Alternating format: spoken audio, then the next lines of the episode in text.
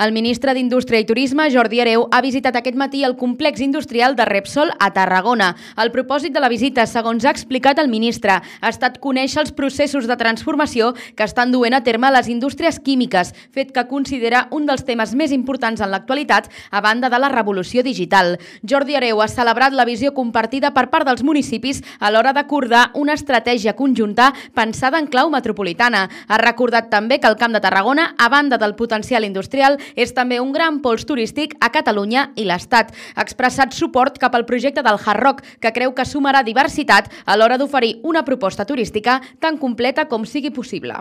Jo crec molt en la diversificació de productes, de trajectes, de destinacions. I, per tant, en aquest sentit, és evident que jo recolzo el que el Hard Rock com a projecte, formant part d'una proposta més completa, jo crec que és una cosa que ve a sumar aquesta diversificació de la proposta turística de Tarragona, que he de dir que és molt rellevant a Catalunya i per part de l'Estat.